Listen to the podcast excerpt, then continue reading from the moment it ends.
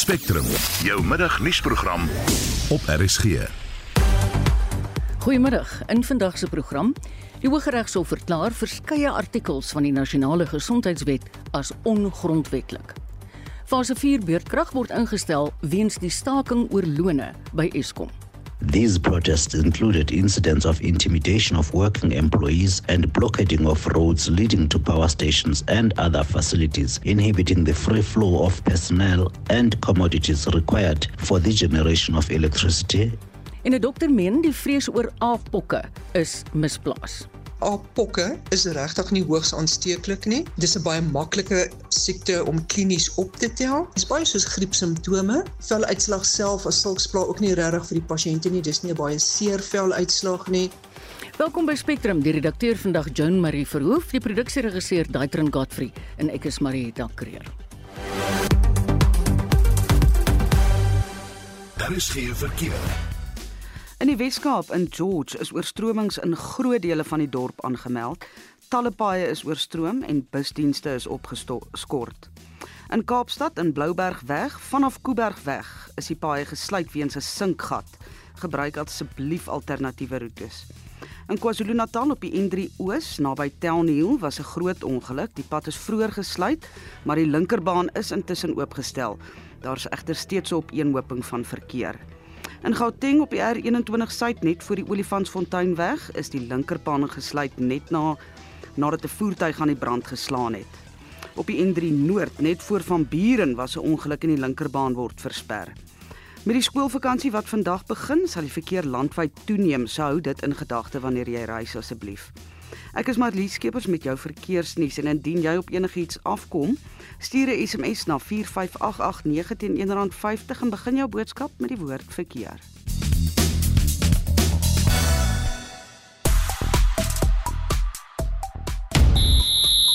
Goeiemiddag. In sportnuus vandag, die Pumas behou hulle wenspan vir môre se Curriebeeker eindstryd. Die junior bokke is oorgehaal vir hulle eerste wedstryd teen die Engelse. En Atletiek Suid-Afrika kies Wade van Niekerk in sy voorlopige groep vir die wêreldbyeenkoms. Meer hieroor 'n bietjie later. Ek is Christo Gawie vir RSG Sport. Die Hitsmerk Stage 4 is die gewildste op Twitter. Dis nou nadat Eskom fase 4 beurtkrag vanoggend 11:00 af van vanoggend 11:00 af ingestel het. Dit sal tot middernag geld en fase 4 beurtkrag sal ook Saterdag en Sondag van 5:00 oggens tot middernag ingestel word.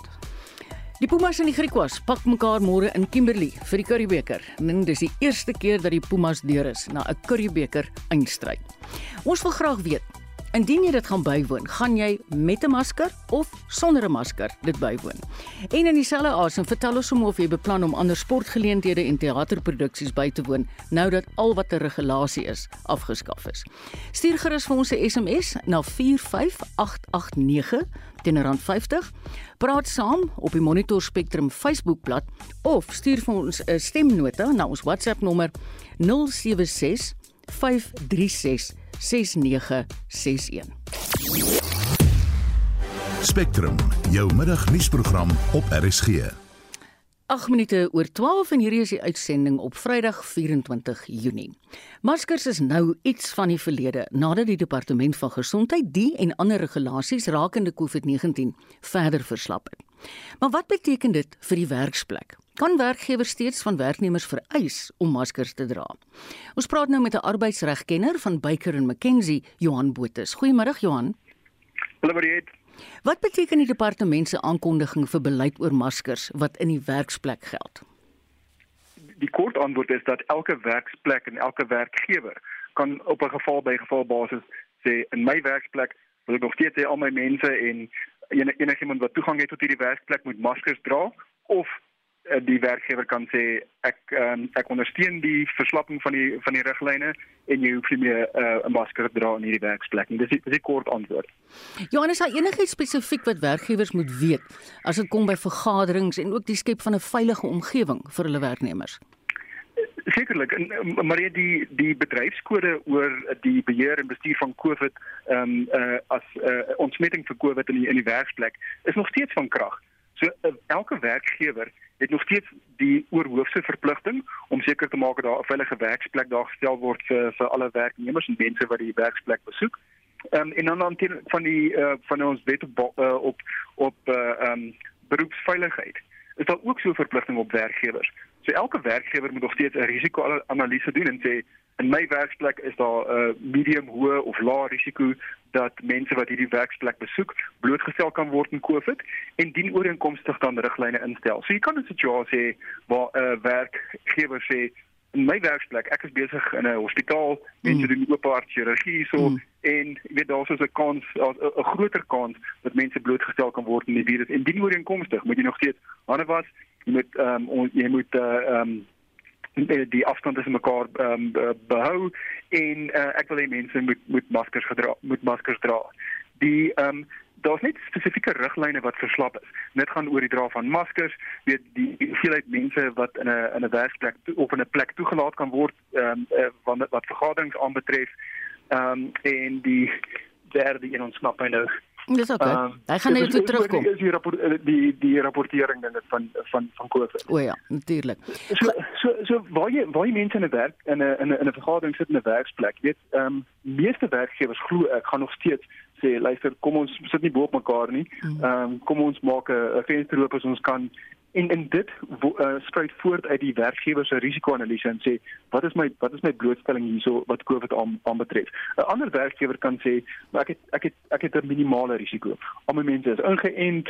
Ehm um, jy weet ons het ons doen nie die tipe van werk wat mense 'n hoë risiko gaan gee aan blootstelling nie. So as jy vergadering hier so in ons werksplek hou, dan weet kan ons maar sit soos ons normaalweg sou gesit het en niemand hoef maskers te dra nie. Johan, kom ek vat 'n ekstreme voorbeeld. As daar nou 'n COVID-19 plaag in 'n werksplek uitbreek. Wat staan die werkgewer te doen nou? Ek dink in terme van die die risiko-analise wat daai werkgewer gedoen het, wat verpligting is, werkgewers moet so 'n risiko-analise doen. Daai eh, analise sal sal dan ehm um, vir jou die die riglyne gee van wat wat moet ek doen in hierdie werksplek? En dit sal insluit byvoorbeeld om te sê ehm um, kom ons uh laat mense weer van die huis af werk waar ons kan. Kom ons sê vir almal wat hier inkom hulle moet uh maskers dra.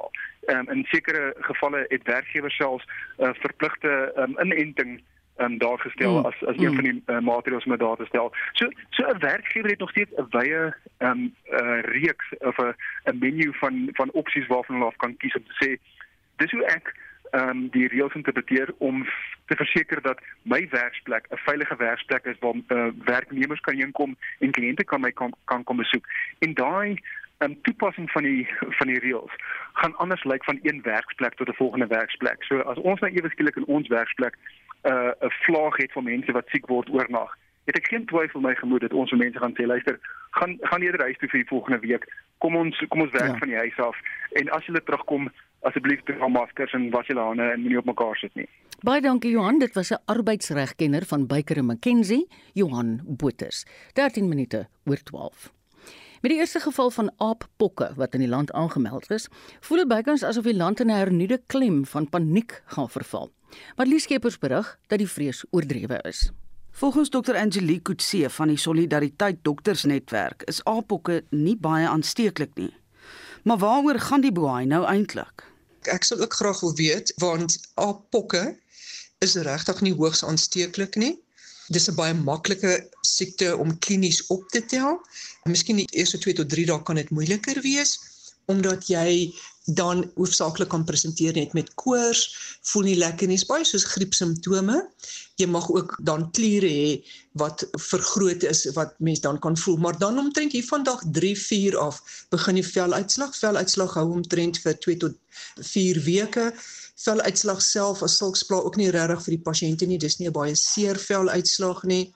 Maar daai blaasies is eintlik hoogs aansteeklik en daarom sê ons dit word aangesteek deur noue kontak met iemand soos wat ons nou gesien het dit het baie in Europa opgetel met seksuele maats wat dan mekaar aansteek nie dat dit 'n 'n seksueel oordraagbare siekte is nie maar as gevolg van die noue velkontak wat mens dan het. Dis mos 'n ou siekte en nie 'n nuwe ding soos COVID nie. Dis 'n siekte wat al ook in die 1970s in Wes-Afrika en Midde-Afrika of Sentraal-Afrika bekend is en daar het dit nogal redelik uh, jy weet van veral in Sentraal-Afrika die ouens word baie sieker daar want uh, daar's die twee tipe variante in die Sentraal-Afrika een is eintlik meer dodeliker as die Wes-Afrika een en Wes-Afrika is die een wat in omloop is.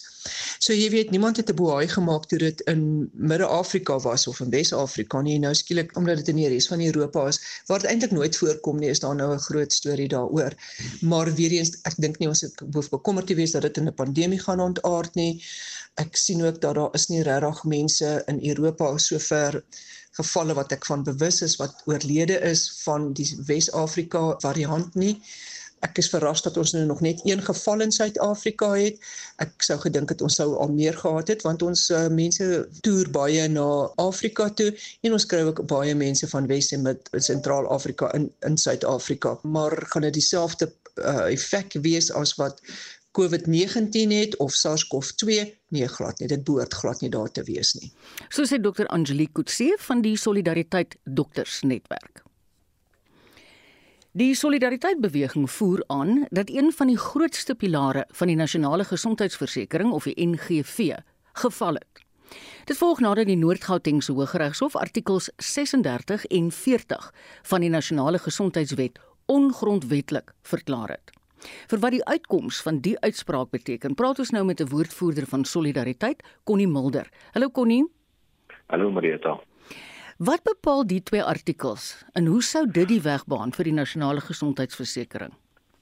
Um ja, so dit die die die artikels is regtig integraal geweest want dit was die sertifikaat van behoefte artikels wat bedeel het dat uh, enige dokter of mediese praktisyn wat hulle praktyk wil vergroot of 'n nuwe praktyk wil oprig, um dan by die direkteur-generaal sou moet aansoek doen. En die direkteur-generaal sou dan bepaal of is daar al genoegsame mediese dienste in daai area. Of jy eintlik gaan sê waar mag jy jou praktyk oprig? Al dan nie.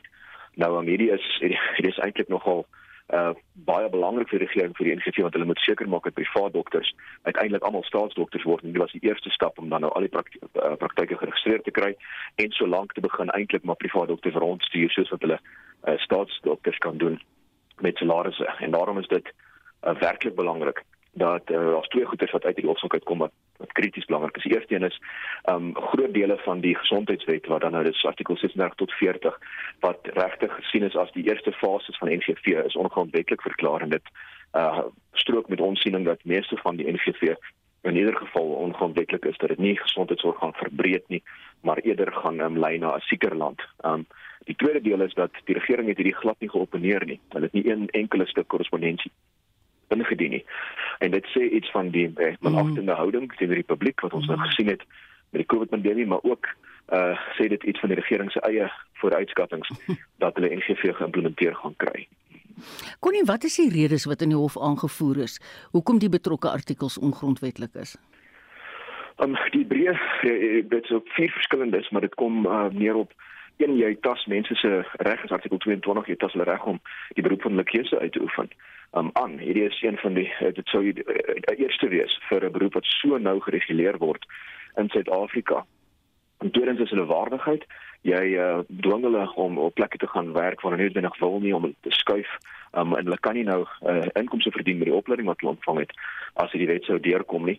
Um, met die direkteur-generaal wat nie regtig enigsins hoef ag te slaan. Um, maar volgens die wetgewing, um, ag te slaan op op pleidooie of appelle of iets soos dit, jy alleen kan bepaal en dan ehm um, laastens het dit reg op artikel 25 ook kort geslaan wat sê jy moet meer mense van hulle eiendom om hmm. om 'n praktyk te registreer. Die probleem is nou jy gaan te enige tyd geregistreer word. Dit het 'n wesenlike invloed op uh, mediese praktisyns se vermoë om inkomste te genereer en dit is tog nie uh, nie rasioneel of grondwetlik om te sê nee nee nee daar is genoeg dokters in um, Pretoria. Jy kan eerder jy moet jou praktyk skuif um, kom sê alles ras toe of so 'n mm. klein dorpie waar dan nie nou nie genoeg is nie. Mm. Alhoewel jy hier gesetel is, jy hierdie geboue het, jy hier alles het. En ek dink dit is dis hoekom dit regtig belangrik is dat ons daai gestop het as uh, een dit is 'n 'n maalstuk wetgewing wat wat vergaande magte vir die direkteur-generaal gee oor mm. mediese praktisyns. En twee, dit is nou die eerste ware skermutseling in die groot stryd om nasionale gesondheidsversekering wat kom En dit is belangrik dat die howe hier hou uh, baie van die goed wat NGV in elk geval wil implementeer, um, gaan nie die grondwetlike toets slaag nie. Ek wil nou nou verder daaroor gesels, maar ek het in meer as een onderhoud van tevore met kenners gepraat waar almal sê maar dit gaan net eenvoudig lei tot 'n groot uittog van gekwalifiseerde mediese uit Suid-Afrika. Um die nasionale gesondheidsversekering. Ja. Ja, ons um, ons eie peilings wys uh, presies dieselfde. Uh, is nie noodwendig uit die land uit nie, maar beslis uit die beroep uit. Ja. Uh, so mediese praktisyns is besonder bekommerd en ek kan dit 100% verstaan. Ehm um, as die dieselfde regering wat vir jou beerkrag bring jou sê maar hulle wil graag medisyne sentraal bestuur en van bo af meer birokrasie in hierdie proses sit. Ehm um, dan hoef mense net te kyk na wat in die openbare gesondheidsorg tans aangaan om te besef Ja. um, dit gaan net alle gesondheidsorg word. En dan vir dokters is dit is dit 'n uh, werklike uitdaging. Is waarom sal jy in hierdie beroep bly as jy so gereguleer geword jy gaan gesê word waar jou praktyk moet wees, jy gaan sê word wat jy moet mag vra. Jy gaan um, volledig onder die staat val wanneer jy juis eintlik jou eie ding wou doen. En dit is iets wat ons wesentlik bekommer. Ons het soortgelyke uittogte gesien van uh, plaaslike burgers in uh, Engeland en Kanada toe hulle 'n nasionale gesondheidsversekering ingestel het wat dan nou is hulle hulle kom as dokters by ons om daai stelsels aan te vul en dan impliseer dit indien hierdie sou voortgaan uh, dan is ons voorland ek dink uh, meer Kubaanse dokters as plaaslike dokters wat 'n skande sal wees. Dis 'n wonderlike vooruitsig, né? Watter verdere stappe beoog julle om die totstandkoming van die NGV te beveg? So Mariette, ons is al goed ingegrawe. Ons is al van 2017 tot 2018 af besig om voor te berei en ons uh, ons het vir die parlement voorleggings gemaak. Alles ons siening bly uh, die NGV is eerstens totaal onbekostigbaar. Um, die die bedrag wat nodig is Ja. ja. om gesondheidsorg te doen is net nie in ons fiskus tans nie en nie eens naaste by nie. En tog gaan ons net voort asof geld nie 'n belangrike deel is van van enige beleid implementeer nie. Tweedens is dit onnodig. Um, ons ons siening bly die jy het 'n openbare gesondheidsorgstelsel en net omdat dit vrot is, beteken nie jy moet die hele ding skrap insluitende privaat gesondheidsorg um, en dan oorbegin met weer dieselfde foute wat gaan lei tot dieselfde vrotheid nie. Hulle gaan waarskynlik dit net so treurig bestuur. Dis dis die punt is dieselfde ouens wat die openbare gesondheidsorg in die grond bestuur het, wil nou graag privaat gesondheidsorg ook bestuur. Um ons ons mening is redelik eenvoudig. Uh dankie skelms af sit die sit die korruptes agter tralies want dit is die nommer 1 rede hoekom gesondheidsorg in duie stort nie op openbare sektor. En as ons dit gedoen het, as ons openbare gesondheidsorg deurgekry het op 'n plek waar dit uh daarom kwaliteitsdienste lewer en ons voel dan dat joh, hier's nog steeds nie genoegsame toegang nie. Um dan kan mense hierdie gesprek hê, maar om om nou te praat oor die hele stelsel omverwerk insluitend met die dele wat werk eintlik spesifiek fokus op die dele wat werk om seker te maak hulle ja. werk nie meer nie. Ehm um, dit is iets wat onwerkbaar is en dan ag eh, on, onnodig net is. Ons het tans daai ons het die stelsels is mm. baie goedkoper om dit reg te maak. En laastens is dit net totaal onwerkbaar. Alle anderings van ons is ehm um, geen mediese praktisyns omtrent gaan oorbly in hierdie stelsel as hulle wil nie. En dan gaan ons met hospitale sit sonder dokters met lang rye Um en, en ek weet nie enigiemand van ons wil dit hê nie. Uiteindelik gaan ons swakker gesondheidsorg hê. Ons gaan gelyke toegang hê, maar dit gaan gelyke toegang tot niks wees. Ding. Dit was die woordvoerder van die Solidariteit beweging, Connie Mulder. Baie dankie Connie. Spectrum, jou middagnuusprogram op RSG. Met die uitreiking van die staatskapingsverslag word talle ANC-lede op een of ander wyse geïmpliseer. En ons praat nou daaroor met die politieke wetenskaplike van Unisa, professor Dirk Kotse. Goeiemôre Dirk. Goeiemiddag Marita. Wat staan die lede wat moontlik as kandidaate nogal in provinsiale verkiesings staan of reeds in posisies verkies is, nou te doen? Ja, dat dat twee rigtings waarna hulle kan beweeg binne die ANC. Die een is uh as daar nog net vermoedens bestaan en dit is wat op die oomblik die status van die sondeverslag is. Hulle het nie absolute bewyse wat hulle neerlê en tot 'n gevolgtrekking wat hulle gekom het nie. So die aanbevelings is gewoonlik dat daar verdere ondersoeke moet wees. Vir sulke persone is dit gewoon is sal dit die die beste wees is om na die ANC se eie integriteitskommissie toe te gaan. As hulle uiteindelik aangekla gaan word en en voor die hof verskyn, dan is dit die sogenaamde op sy staan reël is Mm. dan van toepassing. Mm. En wat dan ook sal beteken dat hulle gediskwalifiseer is of gediskwalifiseer word om aan enige verkiesings deel te neem. Maar dit geld op die oomblik nie vir mense wat binne die of in die uh verslag van die sondekommissie genoem word op hierdie stadium. Nee, dit verstaan ek, maar kom ons vra, sou hulle besluit om vrywillig voor die ANC se etiekkomitee te verskyn om hulle kant nou te stel? Dink jy daai komitee het genoeg byt om op te tree of kan hulle moontlik net wegkom met 'n tik op die vingers?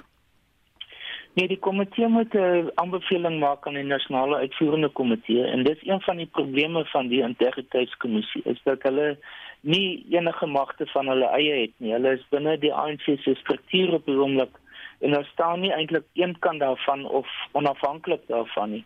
Ehm um, en daarom het hulle nie enige werklike magte wat hulle kan hmm. gebruik om om iets om 'n besluit af te dwing nie of 'n aanbeveling te maak. Uh, die verste wat dit kan gaan is aanbevelings. Ehm um, maar dit is iets wat gewoonlik ek meen dit word bekend dat 'n persoon daar sou was ehm um, en sy sy of haar getuienis of weergawe gegee het. So dit op sigself is 'n is 'n proses wat ek dink reeds 'n bietjie van 'n druk op hulle plaas dat dit nie meer net gewoon is soos wat dit in die verlede ja. was. Ja, in die verlede was dit eintlik maar sonder tande. Dirk die nasionale vervolgingsgesag het 'n bykomende 374 miljoen rand vir sy 2022-23 begroting gekry en die spesiale ondersoekeenheid 'n bykomende 438 miljoen rand. Hoe word daar nou bepaal hoeveel geld moet aan watter ondersoeke spandeer word en hoe weet ons dit word daarvoor spandeer? Ja, dit om eerlik te wees, ek weet nie hoe dit die binnewerking is van hierdie groeperings binne die nasionale vervolgingsgesag nie. Ek dink daar's 'n daar's 'n prioritisering wat plaasvind. Hulle het reeds aangedui dat hulle uh, nie al die sake gelyktydig gaan probeer hanteer nie, dat hulle uh, werk die afgelope tyd op 20 groot sake en spesifiek op 9 prioriteitssake. So dit is wat ek dink wat ons vorentoe nou vir die onmiddellike toekoms moet verwag in die volgende sin maar vir die volgende jaar. Ehm um, dat hulle op hierdie sake gaan konsentreer en probeer om 'n sukses daarvan te maak om dit te wen en dat dit dan 'n voorloper kan wees vir die die groter sake. En ek dink wat hulle ook aan gedagte het is om, om nie noodwendig die die groot figure onmiddellik te probeer aanvat nie, maar eerder sake wat soos ek sê wat hulle dink hulle kan wen mm. om, om om daar te konsentreer op dat sukses kweek sukses 'n momentum word opgebou en dat hulle daardeur ook terselfdertyd meer ervaring kan opbou oor hoe om hierdie tipe van sake werklik aan te pak. Dirk baie dankie vir jou tyd. Dit was 'n politieke wetenskaplike aan Unisa professor Dirk Kotse. Jy luister na Spectrum. Elke week saterdag tussen 12 en 1. 12:29. In die nuus vandag, Outa gooi sy gewig agter die vletjieblaser Dr Tim De Meyer. En die Russiese president Vladimir Putin gebruik die BRICS-beraad om uit te vaar teen westerse sanksies. Klink interessant, ons nooi jou bly gerus ingeskakel. Daar is geen verkeer. In KwaZulu-Natal op die N3 Oos by Hiltonlaan staan 'n voertuig wat die linkerbaan versper. Ek herinner julle net aan die vragmotorongeluk op die N3 Oos naby Town Hill. Hoewel die linkerbaan oopgestel is, is daar steeds 'n verkeersopeenhoping, so verwag vertragings. In die Weskaap in George is oorstromings in bykans die hele dorp aangemeld.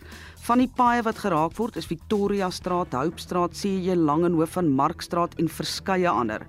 Busdienste is ook opgeskort.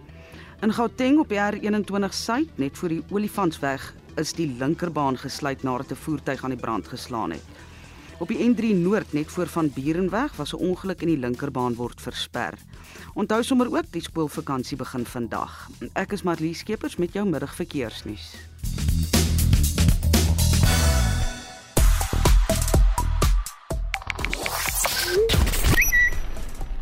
Op sosiale media, kort voor die gonswoord Eskom Stage 4 die gewildste was, was monkeypox met 'n OX die gewildste. Monkeypox was vir die afgelope 21 uur die gewildste onderwerp en is reeds 34000 keer gebruik.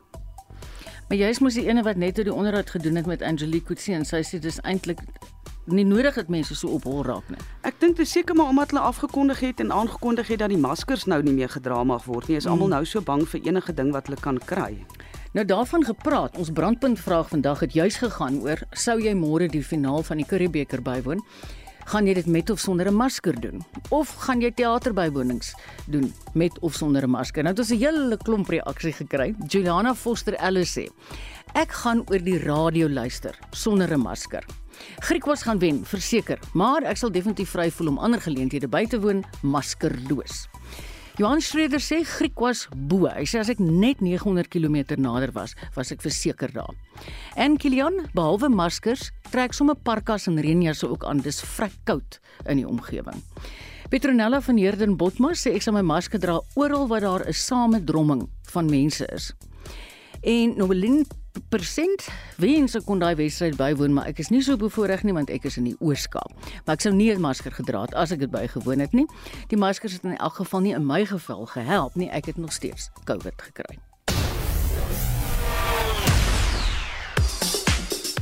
En nou het Christo Gawie vir ons die jongste sportnuus.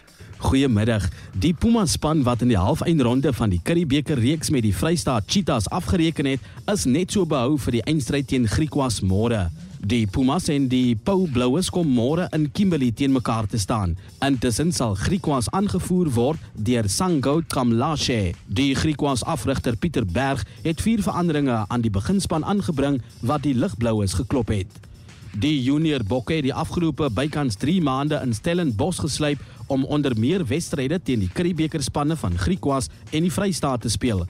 Hulle het Dinsdag al in Italië aangekom. Agt lande, die ses nasies lande sowel as Suid-Afrika en Georgië is betrokke in die reeks. Die bokkies pak Engeland vandag in Italië en die Ire Woensdag aan hulle tweede wedstryd. Intussen het die Suid-Afrikaanse nasionale vrouespan hulle seëgetog in die Afrika beker vir vroue kompetisie in Kaapstad voortgesit toe hulle Namibië met 128-3 verpletter het. Dit volg nadat hulle die ander span in hulle groep Zimbabwe verlede week in hulle eerste wedstryd met 108-0 oorrompel het. Die ander groepe se uitspelwedstryde sal later vanjaar plaasvind. En Wade van Niekerk het nog nie 'n enkele wedloop voltooi nie, maar is gister in Atletiek Suid-Afrika se voorlopige groep ingesluit vir die wêreldkampioenskappe wat volgende maand gehou word. 'n Groep van 20 atlete, waaronder 13 mans en 7 vroue, is in die voorlopige span vir die byeenkoms wat van 15 tot 24 Julie gehou word. Akani Simbine kry weer 'n kans om te kyk of hy uiteindelik die podium kan bestyg op die byeenkoms terwyl van Niekerk sy pyl bitter vinnig sal moet herwin indien hy enigsins 'n aanspraakmaker in die 400 meter wil wees. En dis die sportnuus vir vandag. Dit was Christo Gawie van ons sportredaksie. Jy luister na Spectrum op RSG. Dis 25 minute voor 1. Die onlangse bibberweer word toegeskryf aan sneeuneerslae oor dele van die land, maar volgens Wayne Venter, 'n senior weervoorspeller van die Suid-Afrikaanse Weerdiens, word daar nie nog sneeu vir die komende dae voorspel nie. Maar dit beteken duidelik nie die koue is verby nie. Goeiemôre, Wayne. Goeiemiddag en goeiemiddag aan al die luisteraars. Vertel ons bietjie hoe lyk die naweek se temperature as jy sê daar gaan nie weer sneeu kom nie. Ja, nee, ons het um, 'n lekker koue paar dae oor die suidelike en westelike dele van die land gehad. Ehm um, dit gaan nou voortduur ehm um, veral oor die sentrale en oostelike helfte van die land vir die volgende paar dae.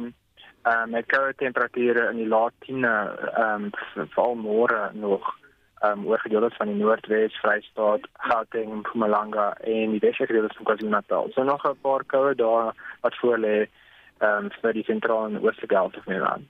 En word daar enige reën voorspel? Ja, ons het 'n goeie kans vir reën ehm um, vandag nog oor gedeeltes van die Noord-Kaap en gedeeltes van die Oos-Kaap en veral langs daai tuinroete van die Wes-Kaap ook nog.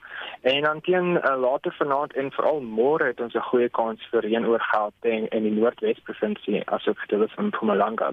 So 'n koue nat Saterdag word verwag vir al die Hoofveld um, in Gauteng. Ek moet vir jou sê dit saam met beerkrag kan nogal lol, hoor.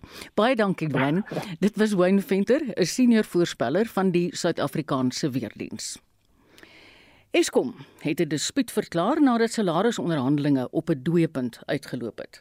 Die woordvoerder van Eskom, Sikunati Manchancha, verduidelik. A wage increase offer target at 5.3%, 4.7%, and indeed 4% for the bargaining unit employees. This is about 50,000 people that are represented here whose wages are determined in a bargaining forum. ESCOM made this offer considering its current status financially and indeed with the operations. Dit was Eskom finale aanbod. Die hoofsekretaris van NUMSA, Jim Irwin, sê Eskom weier om verantwoording te doen vir korrupte steenkoolkontrakte en onafhanklike kragprodusente kontrakte. Hy sê die koste word deur die belastingbetaler gedra.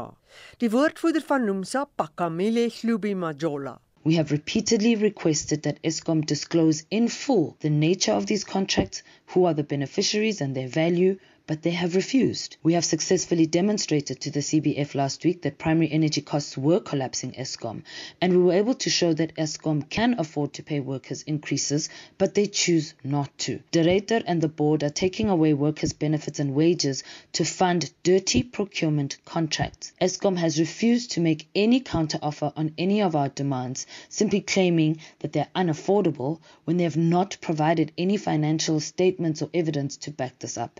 Hlubi Majola sê hulle kan bewys dat Eskom se salarisrekening nie sy balansstate negatief beïnvloed nie. The wage bill for 28,300 employees in the Central Bargaining Forum have remained flat since 2016-2017 at not more than 17.4 billion. But primary energy costs in comparison have gone up from 85 billion rand in 2017-2018 to 116 billion rand in 2021-2022. Eskom has overspent on OCGTs by a whopping 9 billion for the 2021-2022 financial year and it's very clear to us that Eskom board and its management have no credibility. They are complicit in a new form of state capture where they actively steal from workers in order to benefit corrupt cronies who are politically connected to the governing ANC. Manchancha het op beweringe van korrupsie reageer. Any responsible party will do the right thing when they become aware of any corruption, including on the part of the board of ESCOM and management. And that responsible thing is to go lay criminal charges with the law enforcement authorities. And certainly that is not a bargaining forum matter. The wage negotiations are about wages and wage negotiations. Sikonati Manchancha is die woordvoerder van Eskom. Mitsi van der Merwe, SAK nuus. Ja, Eskom en beurtkrag is nou baie groot, nie soos dit net nou ook in die sosiale media gehoor Marlies sê. Hy daai uitsmerk kry verskriklik baie trefslaa. Ja, ons het van vanoggend 11:00 af begin met fase 4. Soos dinge nou staan, gaan dit aangaan môre en Sondag, maar hulle het gewaarsku dat dit kan vererger. Want die kragvoorsiener sê dat die staking by Eskom kan lei tot verdere kragonderbrekings. Die woordvoerder weer, Sikunati Manchancha. These protests included incidents of intimidation of working employees and blockading of roads leading to power stations and other facilities, inhibiting the free flow of personnel and commodities required for the generation of electricity and smooth operations. The increased unavailability of blood as a result has necessitated the extensive use of emergency generation reserves, which are depleting faster than can be replenished. Should these criminal acts of intimidation persist or spread, this would increase the risk of operational disturbances and the implementation of load shedding at higher stages. Ja, dit is nie goeie nuus nie. Eskom se woordvoerder, Sikunati Manchancha.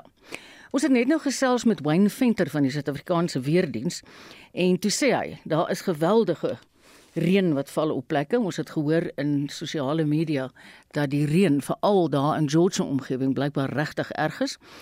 En toe besluit ons ons gaan met ons sportkorrespondent Christo Gawie gesels want hy's 'n man wat daar woon. Hallo Christo. Ja, goeiemiddag Marietta, dis lekker om te gesels met jou. Ja, dieselfde aan die kant, maar luister, is jy bo op 'n tube of kan jy op jou voete staan?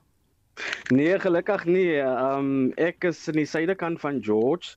Um, ek is baie na aan die see. Hier is tans geen reën, kan jy dit glo? Geen reën wat uh, wat tans hierso is nie, maar ehm um, teen uh, 8uur vanoggend is daar so 69 mm reën is daar gemeet.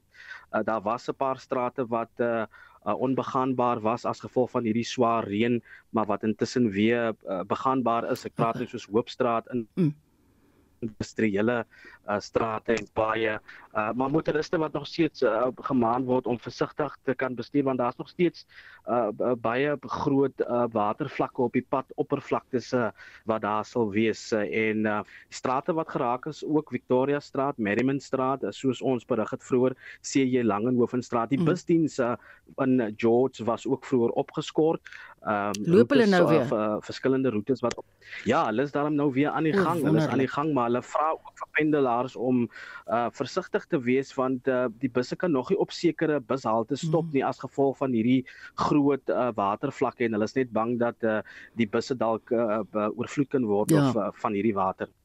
Christo, is dit baie koud by julle? Dit is verskriklik. Ehm um, dit voel asof ons uh, die piek van die winter bereik het. Gister het jy vir my laat weet en ek het dit baie waardeer vir my verkeersuitslag dat daar 'n groot botsing op die Outeniqua pas was. Was dit as gevolg van die reën? Ja, dit lyk asof dit 'n tendens is. Ehm um, die plaaslike radio's uh, in die omgewing berig gereeld uh en waarsku motoriste gereeld om ekstra versigtig te wees spesifiek in die ou Teniqua pas want dis baie glibberig en mm. dis baie mistig as jy die pas ingaan so ek dink dit is ja. uh, as gevolg daarvan. Ag Christo baie dankie dat jy vir ons tyd gemaak het buite jou sportbydraes ons waardeer en warm bly. Die organisasie teen belastingmisbruik Outa het gister buite die Rahima Musa Hospitaal in Coronationville in Johannesburg betoog. Die organisasie is gegrief oor die beweerde onregverdige behandeling van Dr Tim De Meyer. De Meyer word dissiplinêr verhoor nadat hy in 'n oop brief oor die hoë aantal kindersterftes by staatshospitale geskryf het. Outa se uitvoerende hoof, Wayne Divenage, sê die regering moet ingryp. We want the MEC for Health and the minister to look into what is actually happening with health. We can't be putting people like Dr. DeMeyer under pressure because he blows the whistle and speaks out on the atrocities of these hospitals. We've already written to the MEC on this matter. Sal die protesoptrede egter die gewenste uitwerking hê? Part of our methodology of, of active citizenry and as an organization is multifaceted. So we engage with the authorities, we write, but we also protest from time to time when we feel it's necessary to bring the heat to the place of action because picketing and protesting outside the offices of the individuals who are found wanting puts them under pressure, puts them on the spotlight. I mean, the media was there. These are the things that highlight the issue in more ways than one. Die DA skare minister van gesondheid in Gauteng, Jack Bloem, sê daar is baie uitdagings in die openbare gesondheidsorgdienste. One of which is basic occupational health and safety. Only about half our hospitals are compliant with the Occupational Health and Safety Act. And we've had eight fires at various hospitals in the last five years. There's other problems. Nearly 900 operations were cancelled this year at the Chris Hani Bagon Hospital for various reasons lack of maintenance, broken machinery, and shortage of clean linen. And this is because they use very uh, dysfunctional state laundries when they could just use private laundries. So it's not a good picture in our hospital. If it's not one thing, it's another thing. And it just makes it a very poor working environment and a bad experience for many patients. Bloemsia het met 'n aantal medisy gepraat wat ook hulle ontevredenheid openbaar. There was an open letter that's been published to the Minister of Health and the Premier of Gauteng by 130 uh, health professionals, and they put their names up front because they're trying to do this in solidarity with Dr. Meyer. So I think this is a significant challenge. These 130 medical professionals who are prepared to put their name to an open letter saying, you know, we have a crisis. We need uh, the situation to improve drastically, and uh, we demand to be heard because doctors and nurses have tried to go through the proper channels to get their concerns addressed, and it still doesn't happen. Jack Blum is die DA skadu minister vir gesondheid in Gauteng. Mitsi van der Merwe, SAK nuus. En nou vir buitelandse nuus. BRICS-leiers is 'n verenigde front terwyl een van sy lede Rusland skynbaar onder beleg is. Die weste het sanksies teen die Kremlin ingestel nadat hy Oekraïne binnegeval het. Die BRICS-beraad vind virtueel plaas. Die Chinese president Xi Jinping sê die BRICS-lande, Brasilië, Rusland, Indië, China en Suid-Afrika moet geleenthede aangryp. President Cyril Ramaphosa het ook die belangrikheid onderstreep van die vredevolle beëindiging van konflik wêreldwyd. Annelien Terwyl die BRICS-lid Rusland 'n vurige oorlog met Oekraïne voer, het Brasilië, Rusland, Indië, China en Suid-Afrika mekaar aangemoedig ter ondersteuning van pogings om die ontluikende ekonomiese alliansie te verstewig. Die Chinese president Xi Jinping het skerpte velde getrek teen sanksies wat die weste teen Rusland ingestel het. We must improve macro policy coordination, keep industrial and supply chains secure and unclogged, build an open world economy, diffuse the major risks and challenges to global development, and strive for more inclusive and resilient economic growth. We must promote sustainable development. We must be guided by people-centered approach and allocate more resources to poverty reduction, food production, education and health. President Cyril Ramaphosa sê BRICS-lande moet die voortou neem as dit kom by volhoubare wêreldwye ekonomiese herstel. Ramaphosa het bygevoeg dat handel tussen BRICS-lande verder uitgebrei moet word deur beleggings en toerisme. As BRICS countries, we will continue our constructive engagement with the World Trade Organization to foster inclusivity, industrialization, and development. We must oppose attempts to shape global economic policies through unilateral sanctions and other coercive measures. Die Russiese president Vladimir Putin het van die geleentheid gebruik gemaak om die weste aan te val oor die sanksies wat weens die oorlog ingestel is. The complexity and international nature of challenges and threats that the international community has been faced with oblige us to seek joint answers. Goals should be resolved and tackled as the conflict, conflict resolution, fighting terrorism and organized crime, including the criminal use of new technology. And we can find solutions to the crisis situation that is observed now in the global economy because of the ill conceived and self interested action by some separate states that have been using the financial mechanisms Intussen het die Indiese eerste minister Narendra Modi en die Brasiliaanse president Jair Bolsonaro die belangrikheid beklemtoon vir BRICS-lande om samewerking te verstewig terwyl hulle van die COVID-19 pandemie herstel. Die verslag is saamgestel deur die Tabat Sotetsi en ek is Annelien Moses vir SAK nuus. 10 voor 1. Die Putin-regime het 'n Turkse droë vragskip, die Azov Concorde, die week toegelaat om die hawe stad Mariupol te verlaat. Die eerste buitelandse skip wat sedert die begin van die konflik op 24 Februarie toestemming gekry het om graan te vervoer. Anita Visser het professor Dirk Coetzee van Unisa gevra om hierdie vergunning net in konteks te plaas. Ons het ook gehoor dat Rusland self besig is om graan uit te voer om graan van die Oekraïne blykbaar omtrent 500 000 ton. Nou dit is nie baie nie in vergelyking met die amper 80 miljoen ton wat uh, die Oekraïne produseer. So 'n klein persentasie, maar simbolies is dit belangrik. Ankara sê die Russe en Oekraïne se eise is redelik. Putin wil hê die Weste moet sekere sanksies ophef terwyl Kiev waarborge soek vir die sekuriteit van hulle hawens. Gaan beide kante hulle sin kry dink jy? Ek dink dis die moeilike punt. Dit is iets wat op hierdie stadium die oorlog is nog nie op die punt waar daar gesê kan word dat die een kant het die oorwig bereik en dat hulle in die dominante posisie is. Oorlog is nog baie fyn gebalanseer op hierdie stadium.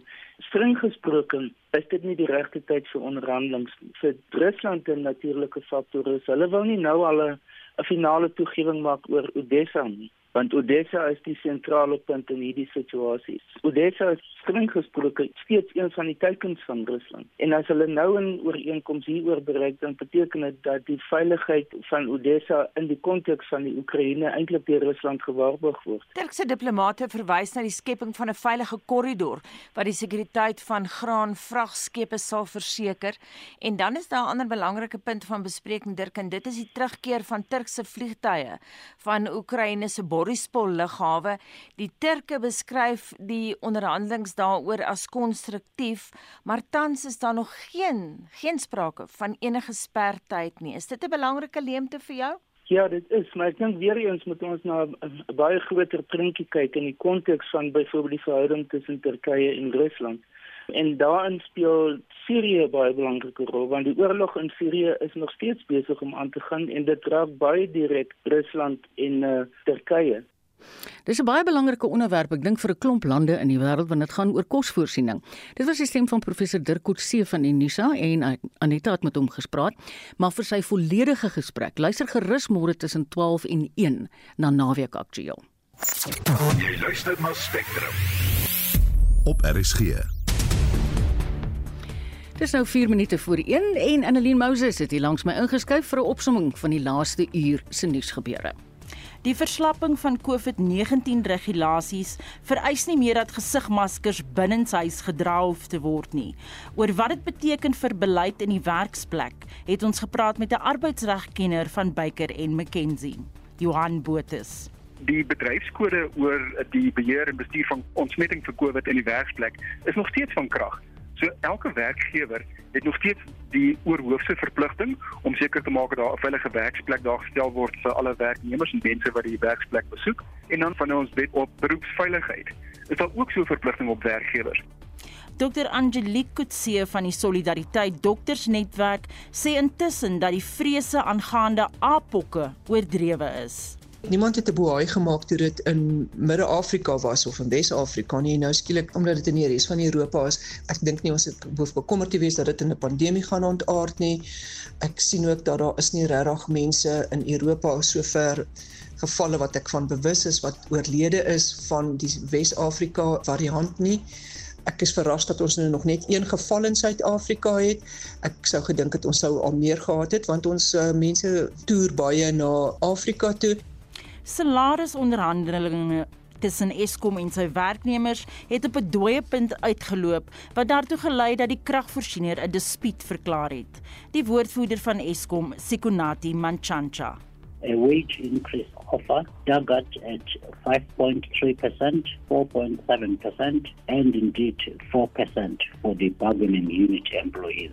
This is about 50,000 people that are represented here whose wages are determined in a bargaining forum. ESCOM made this offer considering its current uh, status financially and indeed with the operation.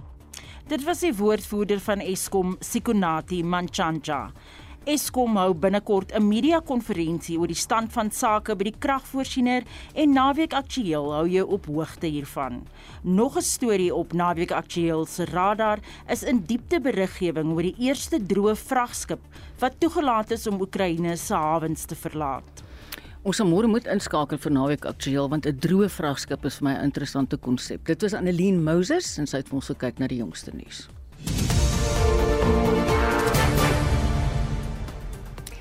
Ja, en as jy daai kenwyse hoor, dan weet jy ons staan einde se kant toe.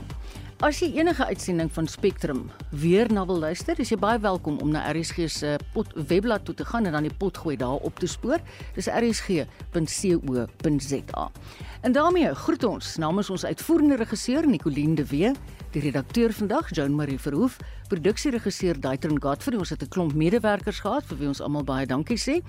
En ek hoop julle geniet die 360 wat voorlê met die 1 uur nuus wat volg uit die Kaap uit. Lekker luister.